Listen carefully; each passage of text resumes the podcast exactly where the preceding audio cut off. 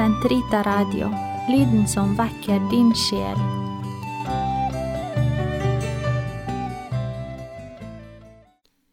Karmel hage sesong 2 episode 7 Eukaristien. Takksigelse og lovprisning er også offer og hvor Herren snur alt på hodet for den som oppriktig søker Hans veier og lever etter sitt daglige Fader vår, skje din vilje. Og hvor gledelig blir ikke selv de verste lidelser for den som får del i disse store mysterier, som får innsikt i korsets vei. Om vi antar at korsets vei er tung og uutholdelig, så har vi bare oppdaget menneskesiden av vår tro og den er der, tydelig til stede, særlig i de rensende nettene vi kan oppleve i troslivet. Men korsets vei, når vi frivillig overgir den til vår Herre i fullkommen tillit til at Han skal gjøre alt til det beste, blir før eller siden omdannet til takksigelse og lovprisning. For den sjel som setter sin lit til bønnens fullkomne vei, som er Jesus Kristus. Og hvor er stedet hvor disse forvandlinger kan skje, om ikke kirkens store takksigelse, eukaristien? Vi har som katolske troende den vakreste av alle smeltedigler, en himmel på jord, der våre hjelpeløse, begrensede liv, når vi bærer dem frem som offer til vår Herre, blir tatt imot. Som gjengave får vi del i Hans glede fred og misjon i verden. Hans rike. Vår ordens mor Teresa forteller oss. En sjel som virkelig har gitt sitt rike, han virkelig har gitt sitt rike, ønsker ikke lenger ære i denne verden. Den vet at lidelsen er den sanne vei til det høyeste herreveldet, og erfaringen har vist den hvor mye en sjel vinner, og hvor raskt den går fremover når den lider for Guds skyld. Det er ytterst sjelden at Gud gir så store nådegaver til andre enn til dem som frivillig har lidd mye for hans skyld. De kontemplative har mange lidelser å holde ut, og derfor velger Gud dem ut, kun blant prøvede sjeler. Her tar vi med en liten parentes, at vi skal ikke oppsøke eller påføre oss selv lidelse. Jeg tror de fleste av oss har nok med å ta imot det som kommer vår vei til tross for alle de hjelpemidler vår sivilisasjon har gitt oss. Om disse kontemplative sjelene skriver Teresa av Avila videre om i Fullkommenhetens vei. Søstre, dere må vite at ettersom disse har forstått alle tings verdi, så forholder de seg ikke så mye til det forgjengelige. En stor urett eller annen form for lidelse kan i første omgang gi dem en ansats til smerte, men så snart de erfarer dette, griper forstanden inn. Det er den som heiser sitt banner og driver nesten helt bort denne smerten, ved at den skjenker dem glede. Gleden kommer fra at de innser at Herren har gitt dem anledning til på en eneste dag å vinne flere nådegaver og evige gunstbevis for Hans Majestets åsyn enn de på ti år kunne ha vunnet gjennom de lidelser de selv kunne velge. Dette er, slik jeg kan forstå, veldig vanlig, jeg har snakket, med, snakket om dette med mange kontemplative sjeler, og vet altså helt sikkert at det er slik. Like høyt som andre skatter, gull og juveler, skatter de lidelsen, og de lengter etter den fordi de vet at den skal gjøre dem rike. Ja, de er offer som er forenet med Jesus Kristus gjennom bønnens og eukaristiens nåde, og er så underfullt at det ikke kan fattes. Thomas Aquinas skriver sensum defectui, altså at sansene ikke strekker til. Og samtidig er det så enkelt, slik lille Therese beskriver det.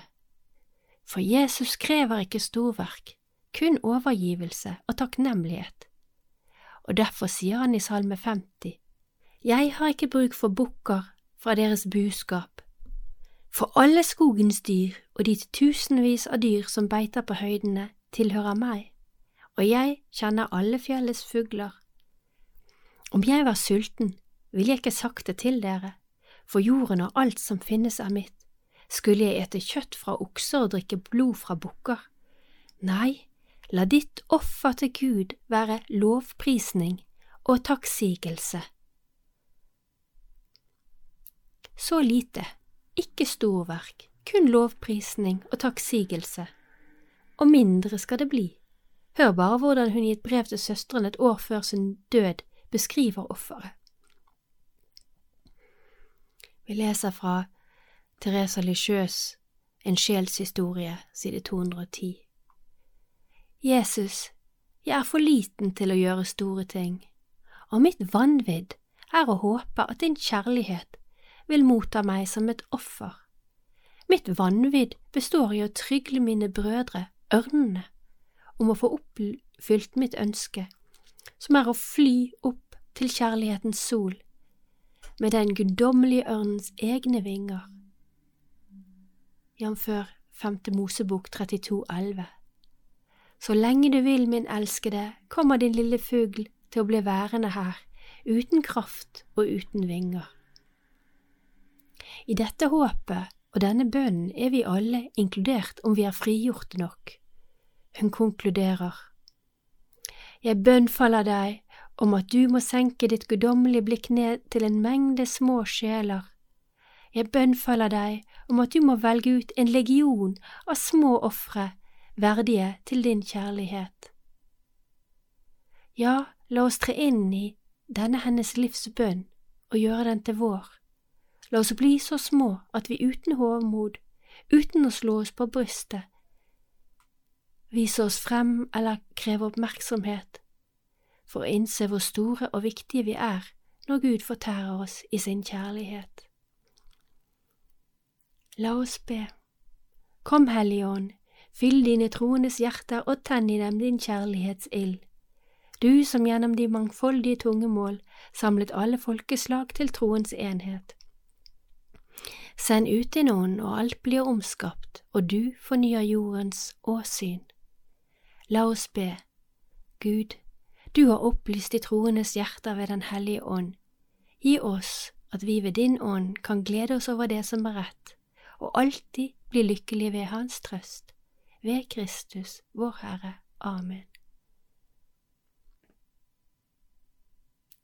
Vi har snakket om hvordan våre offer må forenes med kirkens offer, eukaristien, som både er en offerhandling og en takksigelse. Dessverre har store deler av kristenheten gjennom reformasjonen mistet mye av den dype, mystiske og helt konkrete realitet, Jesu fortsatte frelseshandling i verden, gjennom messeofferet.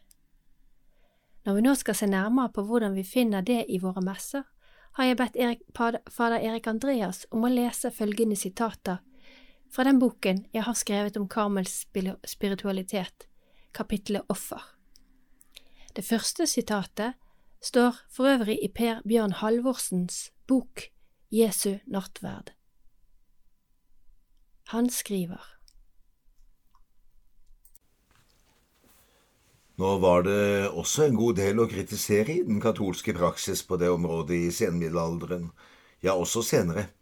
En for naiv tro på sakramentets automatiske virkning førte til at mange mente at jo flere messer som ble lest, for eksempel for de avdøde, jo sikrere var frelsen. Det må innrømmes at kirken ikke alltid gjorde særlig store anstrengelser for å korrigere denne folketroen, til det medførte den for mange økonomiske fordeler som var knyttet til lett lugubre transaksjoner i forbindelse med sjelemesser. Men den andre årsaken til lutheranernes motvilje mot å omtale messen som et offer, er at de tror at vi katolikker mener at messeofferet er noe som vi så å si skulle prestere. Intet kunne være mer misforstått. Det er sant at vi omtaler brødet og vinen som bæres frem som offergaver. men i den bønn presten ber når han bærer dem frem, sies det at dette er gaver vi har mottatt av Guds rikdom. Og når så brødet og vinen er blitt Jesu legeme og blod, når korsofferet på Golgata på nytt blir nærværende for oss på alteret, da er det jo selve frelsesverket som på nytt blir aktualisert for oss, den frelse som Gud virker uten vår fortjeneste, og som vi bare får del i ved troen alene. I virkeligheten skulle det vel ikke kunne finnes noe vakrere og tettere bekjennelse av frelsen ved troen alene, ved nåden alene, enn nettopp den katolske forståelsen av messen som offer. Men i feiringen av Herrens nattvær er selvsagt ikke mennesket bare en passiv mottaker, nettopp fordi det ved troen og dåpen er forenet med de andre troende og med Kirkens Herre i Kristi legeme, som er Kirken. I nattværen forenes nettopp Kristi legeme, som er Kirken, med Kristi legeme, som er brødet. Det er derfor noen av fedrene har villet ha det til at de ord som presten sier i nattværgesten idet han rekker frem brødet, Kristi legeme, både er bekjennelse, dette er Kristi legeme, og tiltale Du er Kristi legeme. Vi er allerede nå lemmer på Kristi legeme fordi vi er døpt inn i det, men vi skal allikevel bli Kristi legeme i den fullkomne enhet som først vil finne sted i saligheten når Gud blir alt i alle. Det er på vandring mot denne fullkomne eschatologiske enhet at vi næres av Kristi legeme og blod. Derfor ber Kirken om denne eschatologiske enhet, fullbyrdelsen av frelsen, i den følgende ofringsbønnen, gi at vi styrker med din Sønns legeme og blod må bli ett legeme og én ånd i Kristus. Sitat slutt. Offer i kirkens liturgi. Så hvordan viser dette seg konkret i kirkens liturgi? Først og fremst sier den noe om dette omtrent hver eneste gang Den hellige messe feires. I tre av kirkens eukaristiske bønner, nummer én, tre og fire, er offerteologien helt sentral. Allerede etter sanktus i første eukaristiske bønn ber presten. Mildeste Fader, i ydmykhet bønnfolder vi deg ved Jesus Kristus, din Sønn, vår Herre, at du nådig vil motta dette hellige og rene offer som vi bringer deg fremfor alt for din hellige katolske kirke. Skjenk den din fred, vern, samle og styr den over hele jorden i enhet med din tjener, vår pave enn og vår biskop enn, og med alle som trofast bekjenner og våker over den katolske og apostoliske tro. Denne første eukaristiske bønn er hentet fra Rom, den romerske kanon, og er med noen modifikasjoner den eneste eukaristiske bønn kirken hadde frem til liturgireformen etter annet Vatikankonsil. Man mener at deler av bønnen kan spores tilbake til Alexandria på 300-tallet, ja, like tilbake til Hippolyt på begynnelsen av 200-tallet men det er først ved pave Gregor fra 600-tallet at den får en form som ligner på den vi har i dag. Med andre ord, det er ikke kun den i den tridentinske messen man finner denne dimensjonen. Går vi så videre til eukaristisk bønn tre, inviteres også her de troende inn i den dype mystiske realitet som Jesus ber ned over sine disipler og som selvsagt også er en deltakelse i hans offerhandling. Se nåde til din kirkes offergave. Den er for deg det samme offerlam som etter din vilje ble til vår soning. I at vi, styrket med din sønns legeme og blod, og fylt av Hans hellige ånd, må bli ett legeme og én ånd i Kristus.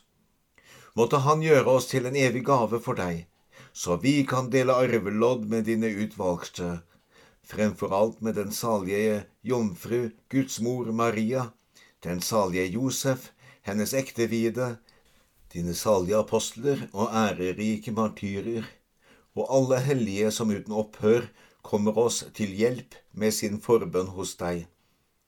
Her er det ikke mulig å tolke feil. Sammenhengen mellom Jesu Kristi offer og kirkens troende som deltakere i dette offer, som ett legeme, er åpenbar. Den fjerde eukaristiske bønn blir ikke brukt så ofte, men det er kanskje den som mest direkte forklarer Jesu offer og de troendes del i dette.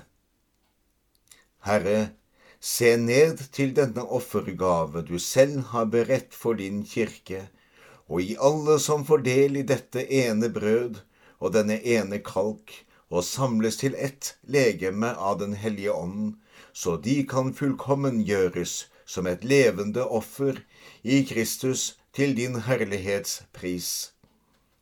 Her kan vi la pater Halvorsen forklare. Tanken om at vi skal være offergaver for Gud, stammer fra Paulus. For Guds barmhjertighets skyld formaner jeg dere, brødre, til å bære legemet frem som et levende og hellig offer som er til Guds behag. Det skal være deres åndelige gudstjeneste. Se Romerbrevet kapittel 12 vers 1. Men dette er ikke å forstå som et annet Kristi offer. Det er i forening med Kristus som lemmer på hans legeme, og at også våre legemer kan være et offer til Guds behag. Eller som Augustin meget pregnant sier det, Kirken ofrer seg selv ved ham. Som vi skjønner, er offertanken og enhetstanken både til grunnleggende og samtidig uløselig forbundet i katolsk nattverdforståelse. Og offeret er ikke bare noe man er del i, det bæres også frem for noen. Herre, kom derfor i hu alle for hvem vi bærer frem dette offer, især din tjener, vår pave enn, vår biskop enn, biskopen over hele jorden, presteskapet, de som frembærer ofre, og de som står samlet omkring, hele ditt folk og alle som søker deg med et oppriktig hjerte. Kom også dem i hu som er gått bort i Kristi fred, og alle de døde, hvis tro du alene kjenner. Det er i eukaristien dette offermysterium åpenbares for oss, gjør oss til ett og forbereder en stadig voksende bevissthet om den kjærlighet Gud har til oss mennesker og menneskeheten. Her formes også vårt svar, som i stadig økende grad søker å overgi seg og forene seg med sin Herre og Gud, vår Far i himmelen. En forening som er like så vakker og stor i bønnen som den er villig til å gi alt for å videreføre Hans frelsesverk på jorden den som kan bli et overgitt svar på Jesu ord gjengitt av evangelisten Johannes. Må de alle være ett, slik du, Far, er i meg og jeg i deg. Slik skal også de være i oss. For at verden skal tro at du har sendt meg, den herligheten du har gitt meg, har jeg gitt dem, for at de skal være ett, slik vi er ett jeg er i dem og du i meg, så de helt og fullt kan være ett. Da skal verden skjønne at du har sendt meg, og at du elsker dem slik du har elsket meg. Amen.